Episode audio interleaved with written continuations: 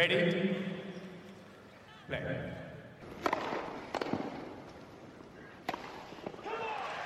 Merhabalar, Raket Servise hoş geldiniz. Ben Gökalp. Ben Anıl merhaba. Senenin artık önemli bir kısmını geride bıraktık. Toprak sezonuna geçiyoruz. Ama tabii Kirlensin toprak... çoraplar. diyorum. Aynen.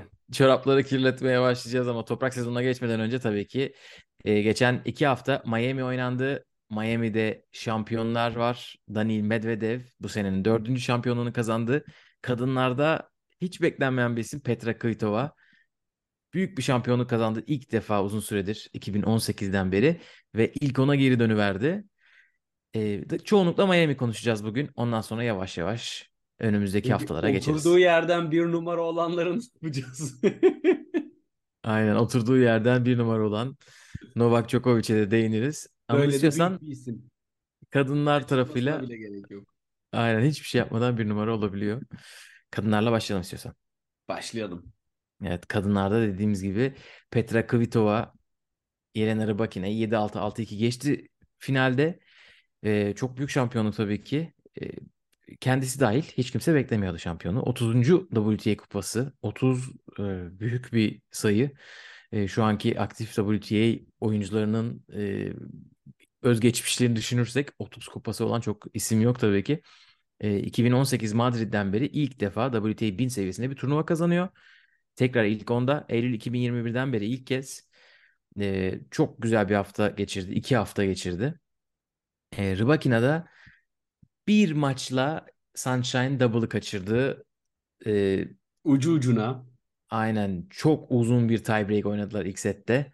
O tiebreak'i Kvitova kazandıktan sonra maçta biraz sökülüp Momentum. geldi deyip açayım. İstiyorsan bu iki isimle başlayalım. Onların önceki maçlarına da değinebiliriz.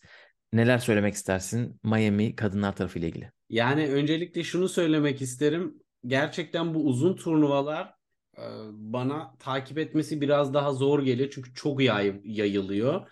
E, ama organiza- organizatörler memnun anladığım kadarıyla. Çünkü daha da artacak bu iş. Indian Wells'ten sonra burada da bir yorumumu yapayım. E, demedi Evet. demeyin. Binlik turnuvalardan çok para kazandığı için ATP ve WTA daha çok ATP Evet. daha çok binlik turnuvayı daha uzun zamana yaymak istiyorlar. Ve- Televizyona daha fazla e, maç olsun diye. Onun için bu sene Madrid'le Roma'da öyle olacak. Şimdi Indian Wells ve Miami ile ısınmış olduk. Tabii sonra WTA e, seviyesinde küçük turnuva kalmadığı için de ITF turnuvalarında dünya 150 numaraları dolanıyor bir anda. 80, 90, 100 her şey var. He Allah ne verdiyse. E, ama turnuva özelinde bence e, tabii ki e, Sunshine Double'ı yapmanın bir zorluğu da e, bu kadar uzun ve yüksek seviyede iki turnuvada arka arkaya istikrar yakalamakta birçok ismin e, zorlanması. Hani bu Sunshine Double'ı aynı sene yapan isimlerin sayısı hem erkeklerde hem kadınlarda o kadar yüksek değil. Benzer şartlar ve benzer lokasyonlar olmasına rağmen. Ee, Dolayısıyla burada mesela hani ilk başta e, Sabalenka'nın elenmesi biraz sürpriz gibi görünse de bence olabilecek bir şey. Ee, fakat burada tabii ki en büyük sürpriz Kvitova'nın haricinde konuşmamız gereken Kirstea.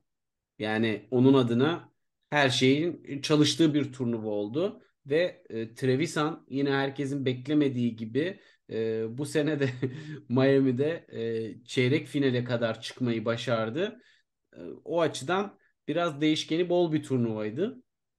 Ama e, burada ne olursa olsun Rybakina'nın yenilmesi finalde çok yüksek bir momentumla ve e, yüksek bir istikrarla geliyordu buraya. Tabii ki Kvitova'ya yenilmesi büyük sürpriz oldu.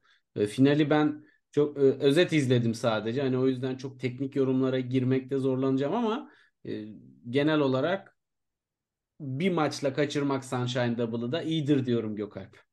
Evet, geçen sene Rybakina bu zamanlar ne durumdaydı? Şu anda Nereden Sunshine de- o Double zaten hani onu konuşmaya bile gerek yok da. Bence konuşabiliriz çünkü Rybakina yani arka arkaya böyle hatırlamakta fayda var. 2020 Dubai'de tam Covid öncesi dönem turnuvada Aa, bir dakika çok büyük bir tenisçi geliyor dedik ve tenise çok büyük ara verildi.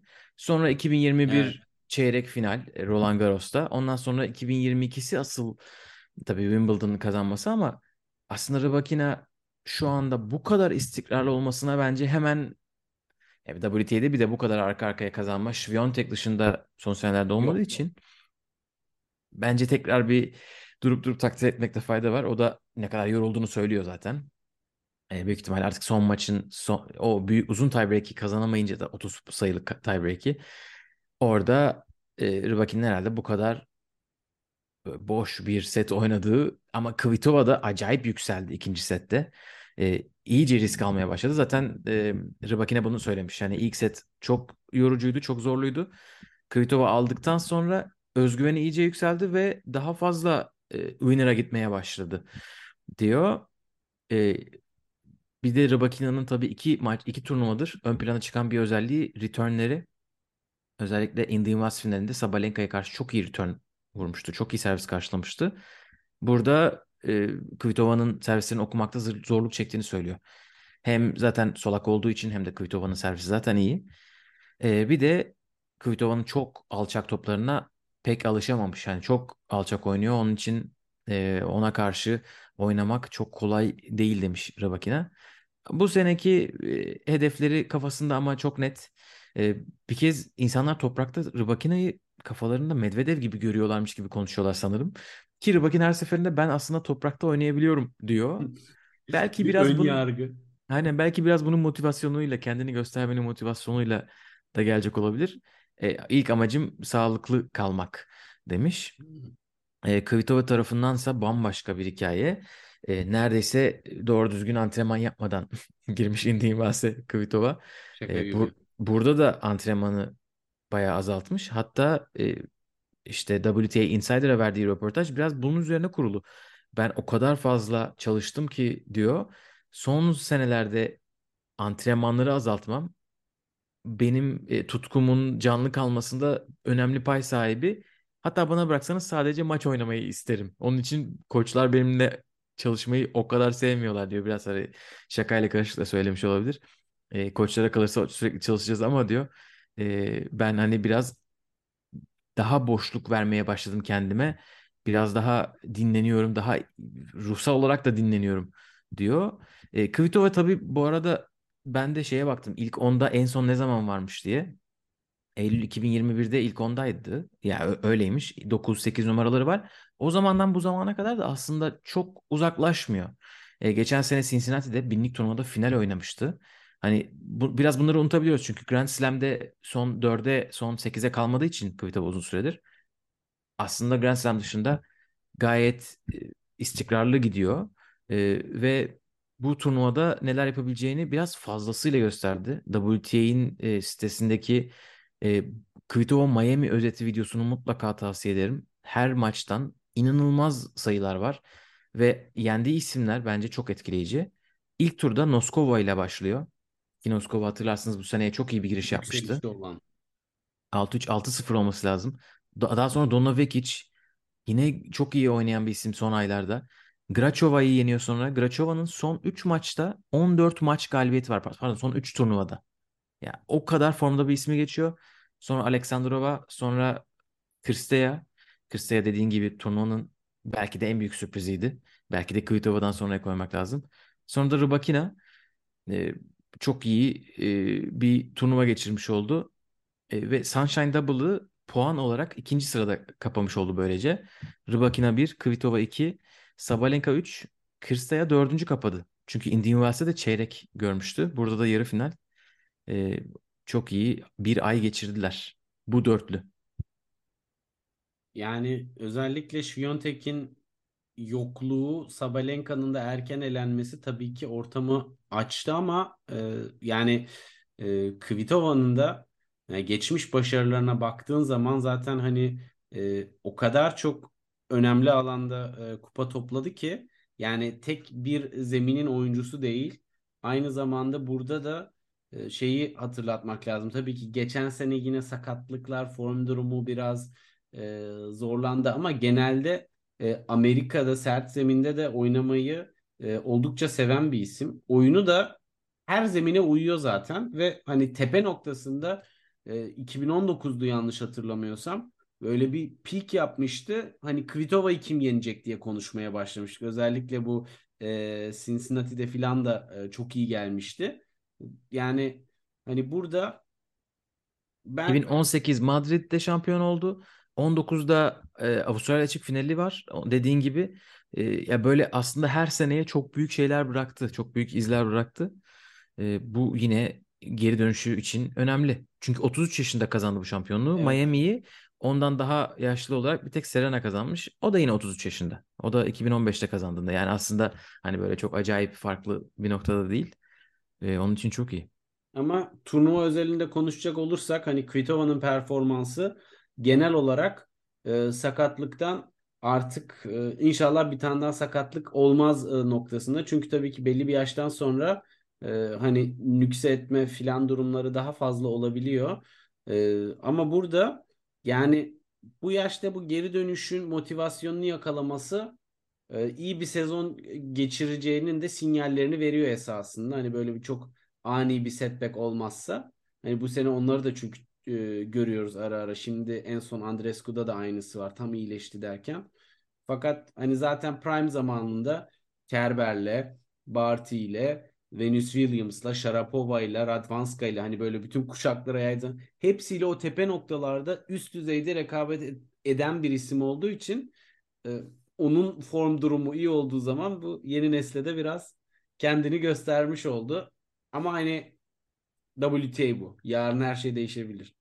Evet bir de bu bu tarz demeçlerden sonra ben açıkçası Aa, evet tamam şimdi süper bir seneye geçirmeye hazır hissedemedim. Hani böyle evet ben artık süper çalışacağım gibi bir noktada değil. Biraz daha ben hani böyle kariyerimin daha mutlu olmak üzerine kurduğum hani turnuva zaferinden çok yani keyif aldığım gibi Biraz okudum. Wawrinka modelinin e, gelişmiş versiyonu. Wawrinka'da böyle 3 sene keyif alıp sonra bir Grand Slam e, şampiyonluğu yaşayıp sonra tekrar bir sene kenara çekiliyordu. Ama Yo, bence evet. e, toprak sezonu öncesi iyi bir ritim bulması önemli. Çünkü Kvitova toprakta da çok etkili. E, artan Masters'larda onu da takip etmekte Evet. fayda var. Bir, bir sevmediği nokta nem diyorlardı. Hatta yani bu bu- onunla ilgili esprili tweetler de vardı. Hani biz Kvitova'nın nemde e, iyi nemle baş edemediğini düşünüyorduk. 13 senesi boşa geçmiş. Miami şimdi kazandığında bunu görüyoruz diyorlar. E, çünkü Miami'nin nem, nemi meşhur. Böyle e, ya kariyerinde bir gram terlemeyen Federer'in maçlarını bile aklımıza gelebilir. İşte o Kyrgios'la olan maçı olsun başka 2017. diğer Miami maçları. E, hani burası başka bir şey ama e, Kvitova onu da halletmişe benziyor.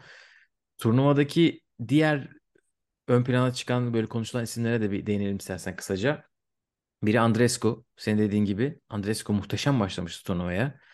Ee, 2019-2021 Andrescu'su geri geldi dediğimizde e, çok talihsiz bir kaza geçirdi. Yani düştü kortta e, maç sırasında. Hani bu eskiden olan bir sakatlık değildi. Gözümüzün önünde e, ikinci sette 2-0 öndeyken Aleksandrova'ya karşı düştü ve de e, bileğinde iki yırtık varmış.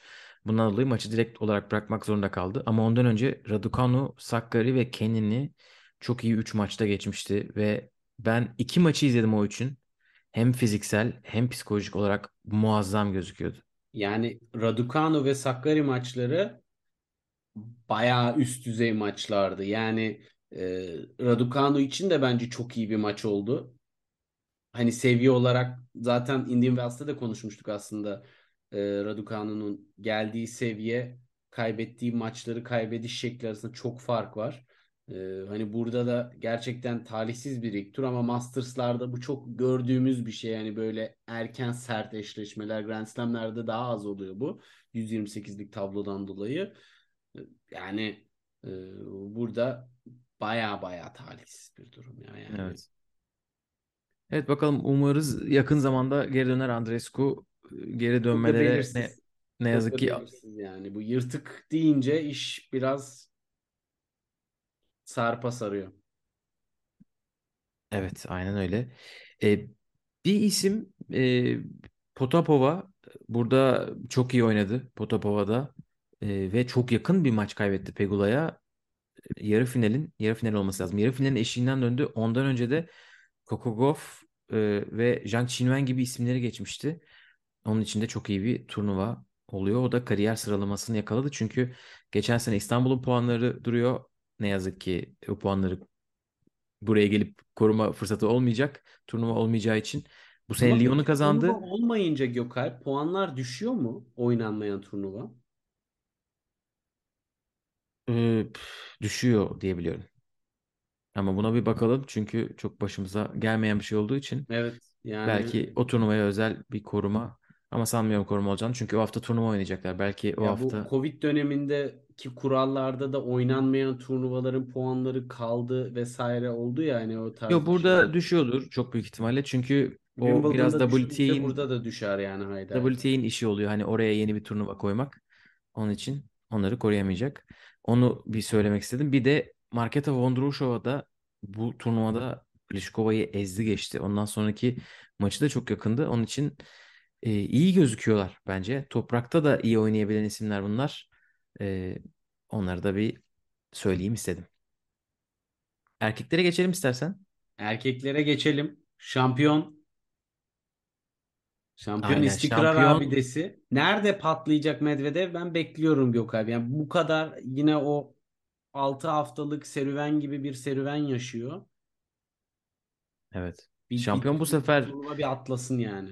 tersten kaçıran bir isim var. Double, Sunshine Double'ı. Tabii bu o kadar sayılmaz çünkü onun baskısıyla oynamıyorsunuz ikinci turnuvayı ama Medvedev de Indian Wells finalini kazansaydı e, Sunshine Double yapmış olacaktı. Çok iyi gidiyor. E, kariyerimin en iyi sezon başlangıcı demiş Medvedev kendisi. Bu zaten sayılarla desteklemek çok kolay. E, ATP Race'te şu anda bir numara. Djokovic'e 600 puan fark atmış durumda. En yakın isim o. Ayrıca bir, kar- bir sezonda en fazla kazandığı kupa sayısı 4. Şu anda Mart sonu itibariyle 4'e ulaştı bile. Finalde 4 kupası var Medvedev'in. Dani, e, Yannick Sinner'i 7-5-6-3 ile geçti finalde ve Sinner'e olan maçlarda 6'da 6'ya yükseldi. Tam bir matchup e, sıkıntısı Sinner adına. Hiç uymuyor değil mi? Yani aslında bence Yannick çok kötü bir stratejiyle oynuyor. E, neler yapması gerektiğini biliyordu bence. E, Alcaraz'ı yendikten sonraki basın toplantısında ben oyunu karıştırmam gerekiyor söylemiş. Ama bunu uygulamadı yani ilk ilk sette çok fazla uzun rally var. Yannick Sinner hiçbir şey yapmadan arkada rally'e devam etti. Hani Medvedev'e karşı onu yaparsanız Biter. Sinner de onu yaptı. Felix de onu yaptı. İkisi de 6-0'lar Medvedev'e karşı. 6 maçın 6'sında kaybettiler. E, tabii bu sonucun sonunda senin başta da söylediğin gibi Alcaraz e, yarı finalde kaybetmişti. Djokovic tekrar dünya bir numarasına yükseldi. E, Medvedev'i, Sinner'i, Alcaraz'ı konuşalım istersen. Alcaraz'da çünkü Sinner'le olan maçları finalin çok daha önündeydi. E, çok Kesinlikle. konuşuldu. Alcaraz da aslında Sunshine Double'ı Alırdı. Kıl payı farklı kaçırdı. Evet, Yannick Sinner maçını geçseydi ki o maç çok iyiydi. Herhalde Medvedev'i bir defa daha yenerdi. Belki Wells kadar kolay olmasa da. Çünkü şartların ne kadar farklı olduğunu söyledi oyuncular hani kortun hızı olarak. Medvedev e, bu sefer yine korta teşekkür etti ama ger burası gerçek sert kort dedi Miami'ye. Onun için keyfi yerindeydi. Ace sayısı da zaten Indian kıyasla çok daha yüksekti. Çok iyi servis attı Medvedev. Yani e, istiyorsan o zaman Alcaraz e, Sinner maçıyla biraz hani Alcaraz'da konuşmuş oluruz. E, oradan başlayalım. Ha, bence zaten hani e, kademe kademe bu ikilinin eşleşmesi reytingi en yüksek eşleşmelerden biri olacak. Çünkü hani oyun stilleri seyir zevkini karşılıklı olarak müthiş yükseltiyor. Yani hani bu maç izlenir arkadaş diye böyle e, not alıyorsun. Hani Tekrarı izlenebilecek maç. Yani her maçın tekrarı izlenmez ya sonucu bilince. E, burada yani ben şunu çok genel bir yorum olarak söylemem gerekirse e, Indian Wells'e nazaran Sinner burada vuruş gücünü daha akıllıca kullanma, ma- kullanmayı başardı ve e, Alcaraz'ın e, drop shot karışımını çok iyi okudu. Yani e, rallilerde biraz e, öğrenmiş gibi Alcaraz'ın oyununu ve biraz daha öngörülebilir noktalarda hareket edebildi. zaten o kadar aslında nüanslar var ki hani skordan bağımsız oyunlarında hani kimin momentum eline alacağına dair bunlar bence çok önemli bir fark yarattı. Bir de Evet. tabii ki e, hala daha e, Alcaraz'ın servis etkinliği hızlı zeminlerde üstünlük kurmakta biraz zorlanıyor. Onu tabii ki e, geliştirecektir ama hani güç ve hız konusunda burada ben Sinner'i bir tık önde gördüm. Biraz daha baseline'da kalabildi. Ee, Alcaraz'ın servisi bence ya Sinner maçında belki o kadar değildi ama e, turnuvanın o zamana kadarki noktasında kariyerin en iyi servislerini atmış olabilir. Ya böyle Fritz'ten fazla ace Fritz'e attı. Fritz'e karşı çok iyiydi. Onu Ondan önceki maçlar yani Lajovic maçı e, di- diğer maç da keza ama e, ya bence Yannick Sinner maçına çok yorgun gözüküyordu zaten. Üçüncü sette gitti tamamen. Bence Alcaraz'ın fiziksel olarak durumu iyi olsaydı Sinner bu maçı alacak tenis oynamıyordu gibi düşünüyorum ben. E, çünkü Sinner'deki en büyük sıkıntı ki bu hızla azalmıyor. Hı hı. E, mental kopuklukları çok fazla yaşıyor. İlk seti alması için 5-6 ayrı yer sayabilirim. Ya bunu Twitter'da da herkes aynı noktadaydı. Sinner yine kaçırdı elinden, yine kaçırdı elinden, yine kaçırdı elinden. O kadar fazla kaçırdı ki yani hem 4-1 öndeydi. Ondan sonra 5-4'te, 6-5'te, tiebreak'te yani alması şeyin e, orada Alcaraz'ın seti tamamen Sinner'in ikram, ikramıydı bence. Ondan sonra da 3. set bu kadar fiziksel olarak farklı noktalarda olmasalardı ki Sinner aslında ben de ikinci sette kramp ufak kramplar oldu bende de demiş. E, ama Alcaraz'ın daha çok e, vücutta bir sıkıntısı olduğunu gördüğü zaman biraz cesaretlenmiş. Bence işi biraz zorlaşırdı. Çünkü o böyle tam kapatması nokta gereken noktalarda e, Alcaraz gibi kapamıyor. Ama eskiye göre daha iyi kesinlikle. E, geçen mesela Indian Wells'te Darren Cahill sürekli şey diyordu. Görelim. Sürekli senden görelim maçı istediğini işte yumruk sık. Sürekli bence geçen haftaya kıyasla bile çok daha iyi durumdaydı. Hani e, o vücut dili olarak. E, yine de bence Alcaraz'ın raketinde oluyor bu maçlar. Yani o bence o o o kadar üstte. E, hani belki bir adım ama onun raketinde gidip geliyor. E, tabii Sinner için çok büyük galibiyet psik- psikolojik olarak. Şu anda 3-3 bölüşmüş oldular. Evet.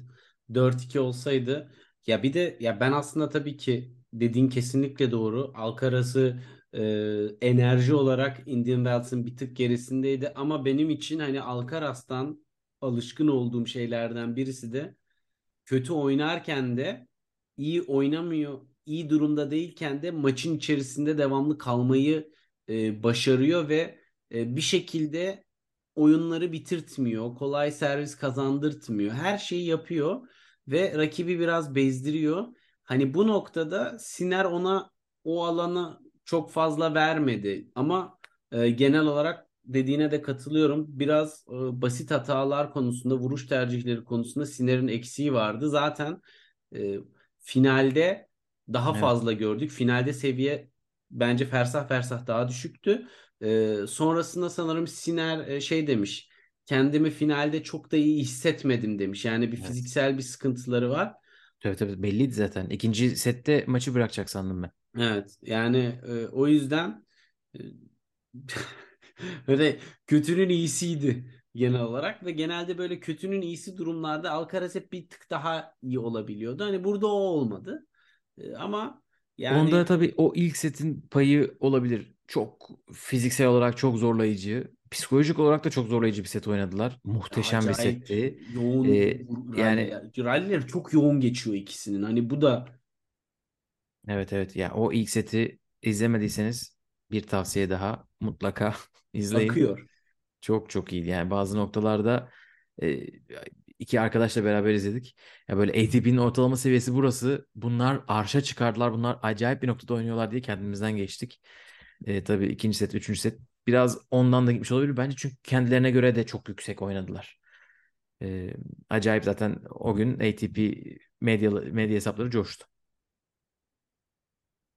Yani e, herkes tabii bunları görmek istiyor. Hani tenisi izlenebilir kılan da o mücadele ve o kan ter gözyaşı ve hani ya böyle bir şey yapılamaz dediğin şeylerin yapıldığını görmek. O açıdan tabii ki Tabii. çok daha farklı bir noktadalar. Ee, bence hani şey de var. Zo- Başka bir gün başka bir rakip olsa o seviyelere çıkamayabilirler. Hani çok iyi değiller mesela ama hani böyle tortu da dipte ne kaldıysa hani onları da e, çıkarıyorlar böyle Allah ne verdiyse. O açıdan çok iyi ama artık toprak sezonunda e, bence yani bu işin bahanesi yok. Çünkü bu kadar sık form düşüklükleri ve işte fiziksel sıkıntılar yani bunlar Nadal'a özgü hareketler. Geriye kalan top seviye oyuncular bu kadar sakatlıkların arasında gitgeller yaşamıyor ve hani iki haftada bir aynı durum. Biraz bakalım. Evet. Medvedev tabii büyük bir şampiyonluk kazandı ama kurasının tatlılığını bir anmadan geçmek istemedim. Çünkü Roberto Carvalhes, Quentin Alice, Chris Eubanks ve Karen Khachanov kazandığı 4 maç böyle e, finale gelene kadar. E, tabii bunu da söylemek lazım. Yine de Hemen hemen açalım burada gerçekten e, şeker gibi bir kura. Danil Medvedev nerede? Niye bulamıyorum seni Medvedev kardeşim? Ha burada. Yani Molchan da zaten maçtan önce çekilmişti. Ha tam onu aramıştım. E, ama yani tabii Quentin Halys kolay görünen ama yine de arıza çıkarabilecek bir tip. Fakat Miami dördüncü tur. yani Miami dördüncü tur değil aynen tam ona gelecekti işte. Yani bu ikinci turda böyle pis bir rakip olabilir dersin ama hani açılışı yapmak istemezsin daha raketin sıcak değilken. Hani o yüzden e, iyi bereket versin. Bereket versin. Burada tabii e, Eubanks'i konuşmamız lazım bir de bak onu konuşmadık. Acayip Aynen. bir hikaye Eubanks'in ki o da ilk yüze girdi. Burada Miami'de. Evet Christopher Eubanks sanırım 27 yaşında. E, 4 tur birden geçti. Deniz Kudla, Borna Çoric, Gregor Barer ve Adrian Manarino'yu geçip e, çeyrek finale kadar yükseldi. E, Çok güzel bir başarı. E, çünkü böyle şeyleri görmek de tabii çok şey yapıyor. Yani herkes bir numara olmaya çalışmıyor. Gerçekçi olmak Evet. gerekirse. İlk yüze girmek çok büyük bir aşama. E, ve Evet. bunu başaranlar da ee, onu hakkıyla kutluyorlar. Zaten dördüncü turundan sonra olması lazım. Ee, gözyaşlarına hakim olamadı Evet kortta. evet hüngür hüngür. Ve Aynen. inanılmaz bir kortta bir destek tabii Amerika'da. Tabii. E, Ve ya oralı ya da Miami'de kesinlikle antrenmanlarını yapıyor. Hani orada çok fazla eşi dostu da olabilir. Ee, onun için Akrabalar gelmiş. aynen tam olması gereken yerde de olmuş ve de şampiyona kaybettim diyebilir artık. Hani bu turnuvada da. Çünkü Teselli. aynen çünkü Medvedev'e kaybetti. Çok güzel bir hikaye. Evet. Yani o açıdan yine böyle bu tarz tablosu açık turnuvalarda aralara böyle peri masalı hikayeler serpişiyor. O da işin e, tatlı tarafı oluyor. Ama tabii ki e, yani yine bir kez daha şeyi görüyorsun. E, Siyah, siyahiler arasında Amerika'da e, tenise katılımın aslında yavaş yavaş da olsa nasıl arttığını ve hani erkekler tarafında da kadınlar tarafında da hani Williams kardeşlerden sonra geldi bunların hepsi E, ve tabii bu kültürün ve bunun bir seçenek olduğunun algılanması noktasında e, tabii ki çok daha uzun bir süre tenisten para kazanmak da kolay değil. Dolayısıyla o açıdan da bence Amerikalılar adına sevindirici bir şey. Tabii, tabii ki öyle.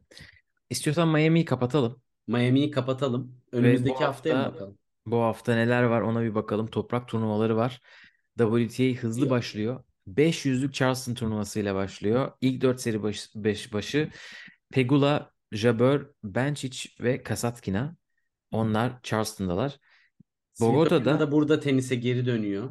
Doğum yaptıktan sonraki ilk turnuvası. aynen öyle. Svitolina da davetiye alanlardan birisi Charleston'da oynayacak. Monfils. Aynen. Ee, kurada Svitolina yazıyor sanırım hala. Onun için e, WTA'de falan Svitolina olma- olduğunu hatırlıyorum. Öyle değişik bir şey vardı. Orada öyle ama sosyal account'undan medyada Monfils'ti. Öyle bir şey yapmıştı kendisi. Bu sefer bakalım basın toplantıları nasıl olacak? Heyecanla bekliyoruz. Çünkü Kostyuk bayrağı taşıyordu e, kadınlar tarafında. E, savaşla alakalı en çok konuşan isim oydu. Şimdi e, Svitolina tabii ki en yüksek profil isim. O da kortlara yani dönüyor. Svitolina hani çok yüksek hani doğum dönemini de bu konuda e, lobi için de çok e, kullanan bir isim aktif olarak. Hani dolayısıyla şimdi bir de e, mikrofon kendisine tutulunca iş iyice e, daha farklı bir seviyeye gelebilir. E, ama tabii bunun etkisi ne kadar oluyor bilemiyorum. Çok da şu anda henüz e, şey hani zaten bir şeye itiraz var. Wimbledon kararına. Hani o biraz onlar e, hani geri dönüş gibi hani ondan büyük rahatsızlıkları var. Olimpiyatları bastırıyorlar. Dolayısıyla burada kesinlikle hani ellerine gelen her e, PR fırsatını kullanacaklardır. Bu arada çok erken dönüyor. Şimdi tekrar baktım 15 Ekim'de doğmuş çocukları. Ee, 3 Nisan'dayız. Daha işte e, 8 ay sanırım geçmedi. Bakalım nasıl olacak. Kurallar da çok çılgın bu arada. İlk Tabii. turda hadi yine Kazak ama Putintseva ile oynuyor. Putintseva'yı geçerse Aleksandrova ile oynuyor. Rus. Evet. Yani ki hani bak bakalım Aleksandrova kesin çünkü o bay. Şimdi baktım kuraya Evet, tekrardan. Burada bol bol var zaten kaçacakları bir yer yok. Hani bu durumdan ne yazık ki. Ee, hoş olmayabilir ama gerçeklik. Ee, Kolombiya'da 250'lik turnuva var. Elize Mertens, Tatiana Maria, Camila Rahimova ve Nuria Parizas ilk 4 seri başı. İpek buradaydı. Ne yazık ki ilk turda kaybetti elemede.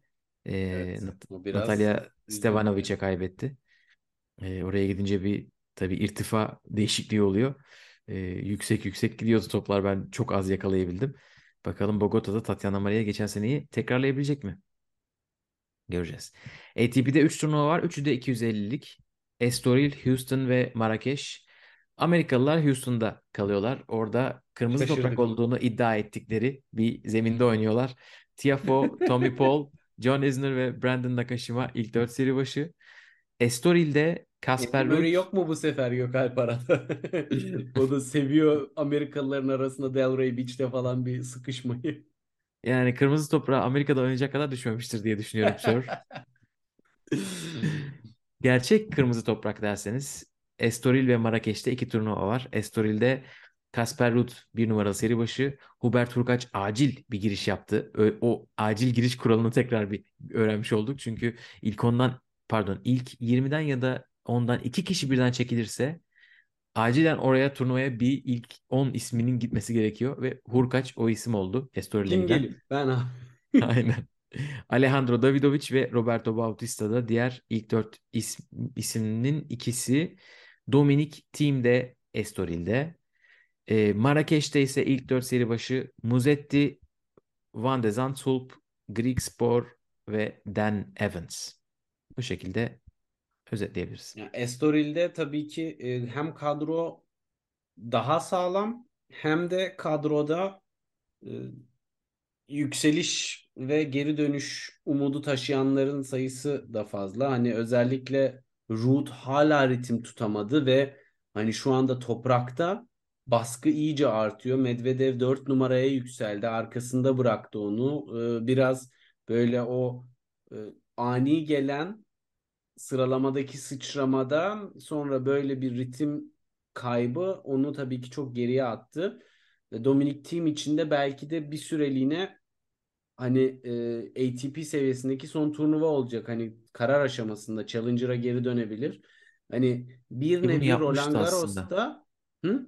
Ki bunu yapmıştı aslında. İlk Evet. dönerken Challenger'dan başladı. Buraya geldi. Şimdi geri dönmesi onun için biraz e, cesaret kırıcı olabilir. Hem cesaret kırıcı hem de Roland Garros için e, bayağı hani her şey istim üzerinde. Evet. Çünkü artık protected ranking'lik bir durumu kalmadı yanlış bilmiyorsam. Ama kendisi two time finalist davetiyeler akar. Akar. Hiç, hiçbir sıkıntısı olmaz onun. Ya valla ne diyeyim? Bakalım ilk turda kimle oynayacak? Üzülüyorum. Toprağın prensi oldu. Ee, Choco Prens. vatandaşı Sebastian Ofner'i çekmiş. Elemeden Evet gelen. elemeden geldi Ofner. Ee, iyi bir rakip İyi ama bir kura diye düşünüyordur. Onu yenerse Ben Shelton Constant Lestienne maçının galibiyle oynayacak. Altın toprakta tabii ki oyunu o kadar uygun olmasa da aslında pis bir rakip. formda, Kariyerinde ilk defa oynuyordur herhalde. Çünkü Avustralya'ya gittiğinde Amerika'dan ilk defa çıkan bir insansa Tabii. ilk defa Avrupa'da Agassi'nin şimdi oraya geldin mi bilmiyorum. Agassi'nin Ameri- Avrupa'ya gidince hiç adını duymadığınız isimlerden tokat yiyeceksiniz e, tavsiyesi alması gibi. Bunu John McEnroe da söylemişti. Aynen. Yani e, Amerikalıların bu bir travması zaten. Aynen. Bakalım Shelton bunu nasıl yaşayacak. Göreceğiz.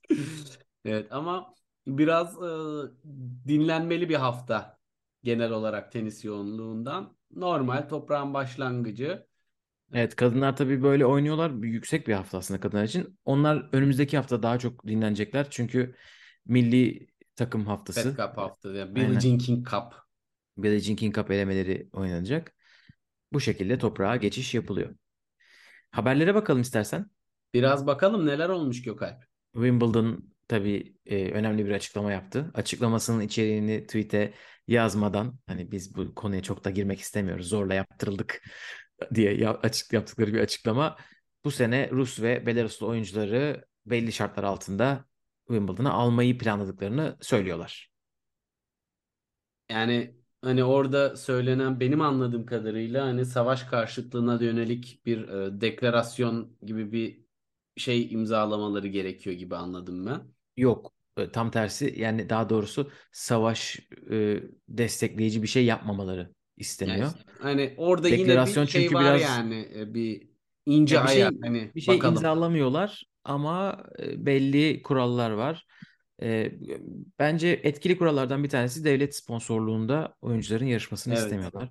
Wimbledon içerisinde tabii yani mesela bir oyuncunun devlet tarafından kontrol edilen bir sponsoru varsa onu Wimbledon haftalarında bırakması gerekecek. İşte o da tabii biraz Rusya gibi bir ülkede aslında hani Rus Rus bütün sponsorların devlete bir e, dayandığı bir nokta olabiliyor.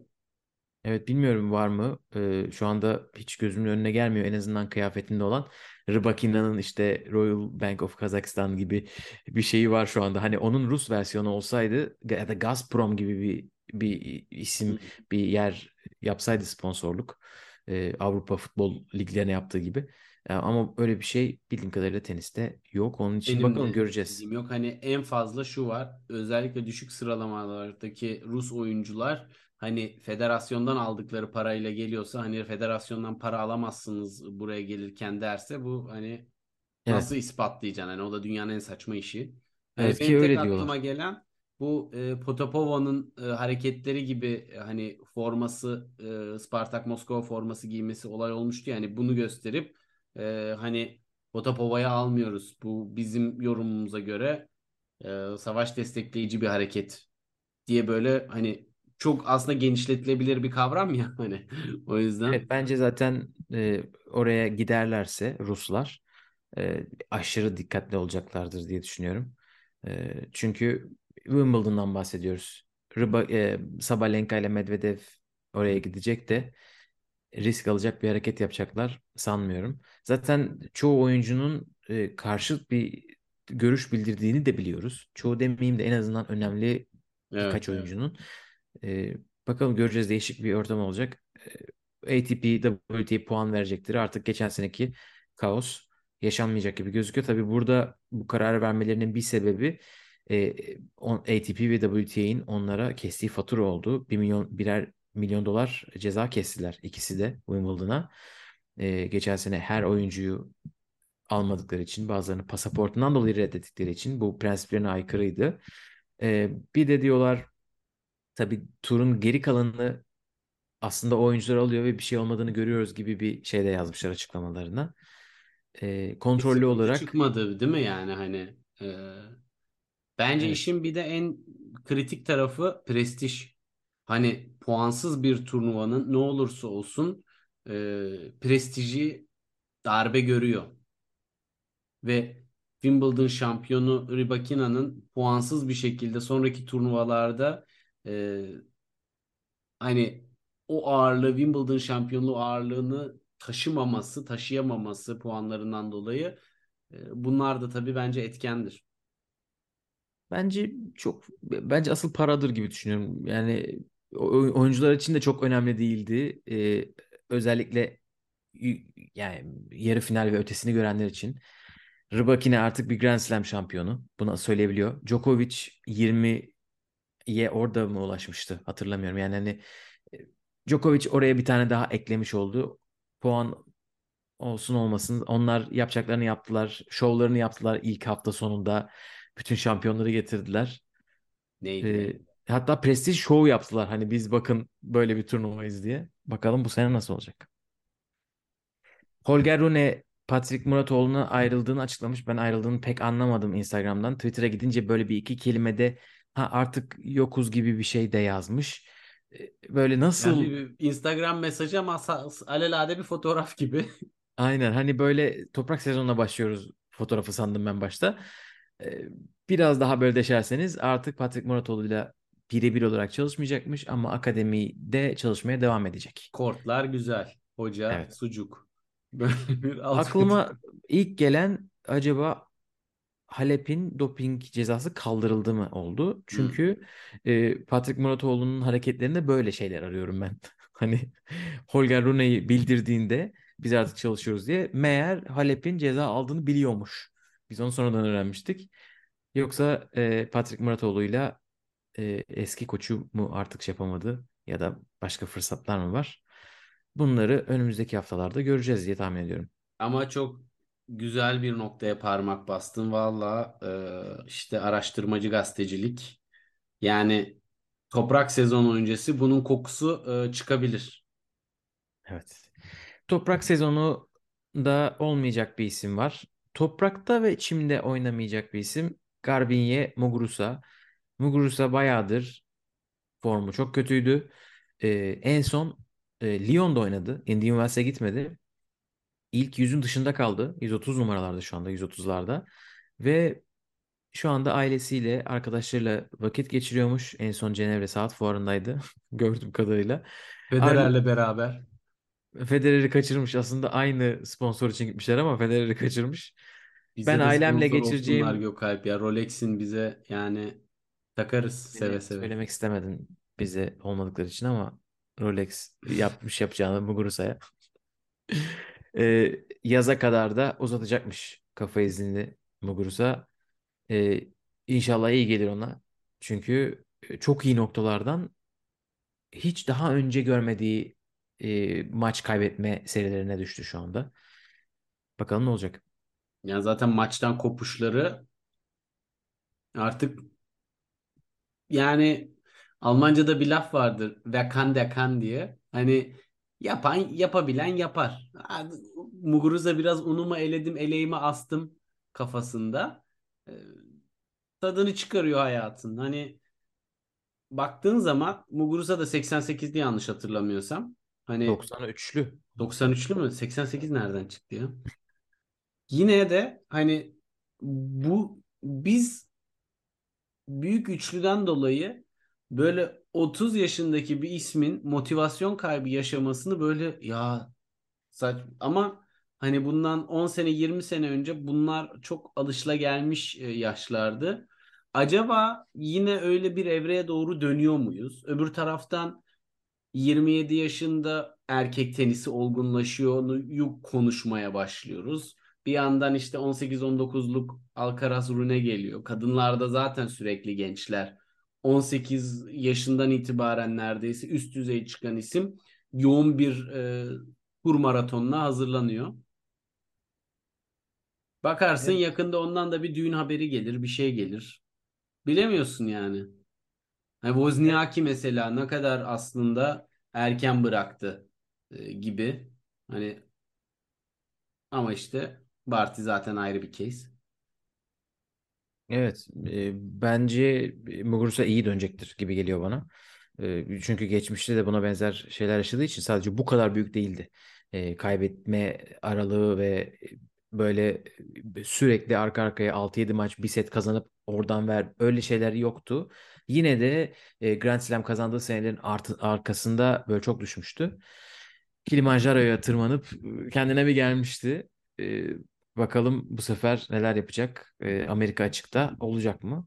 Göreceğiz, takip edeceğiz. Bir Meksika turnuva sayısı artsa, artarsa işler değişir. Aynen bir Venezuela'ya bir şey yapsınlar. Bir WTA hazırlasın. İstiyorsan burada kapatalım bölümü. Bugünlük e, Miami'yi konuştuk. Aynen haber haberlerimize baktık. Bundan sonraki bölümde bakalım neler yapacağız, neler konuşacağız. Bir de unutmadan bir haber daha e, e, vereyim. Bak o şey yaptım. E, e, Carlos Suarez de ikiz bebek bekliyormuş. O da tenisin güzel haberlerinden. Eski çiftler partneri. Öyle ikisini beraber sunmuş olduk. Orada Muguruza'dan gelince de o zaman "Ha, dur bir şey vardı diye Aynen bir tanıdık vardı. İyi. Altını alır ona gider sonra da tura döner. Güzel evet. Cumhuriyet. Aynen Reşat. öyle. Reşat ha. Yakın arkadaş. Reşat şart. Aynen bir monarşi altınıyla gider. Bir sonraki bölüm görüşmek üzere. Kendinize iyi bakın. Hoşçakalın. Hoşçakalın.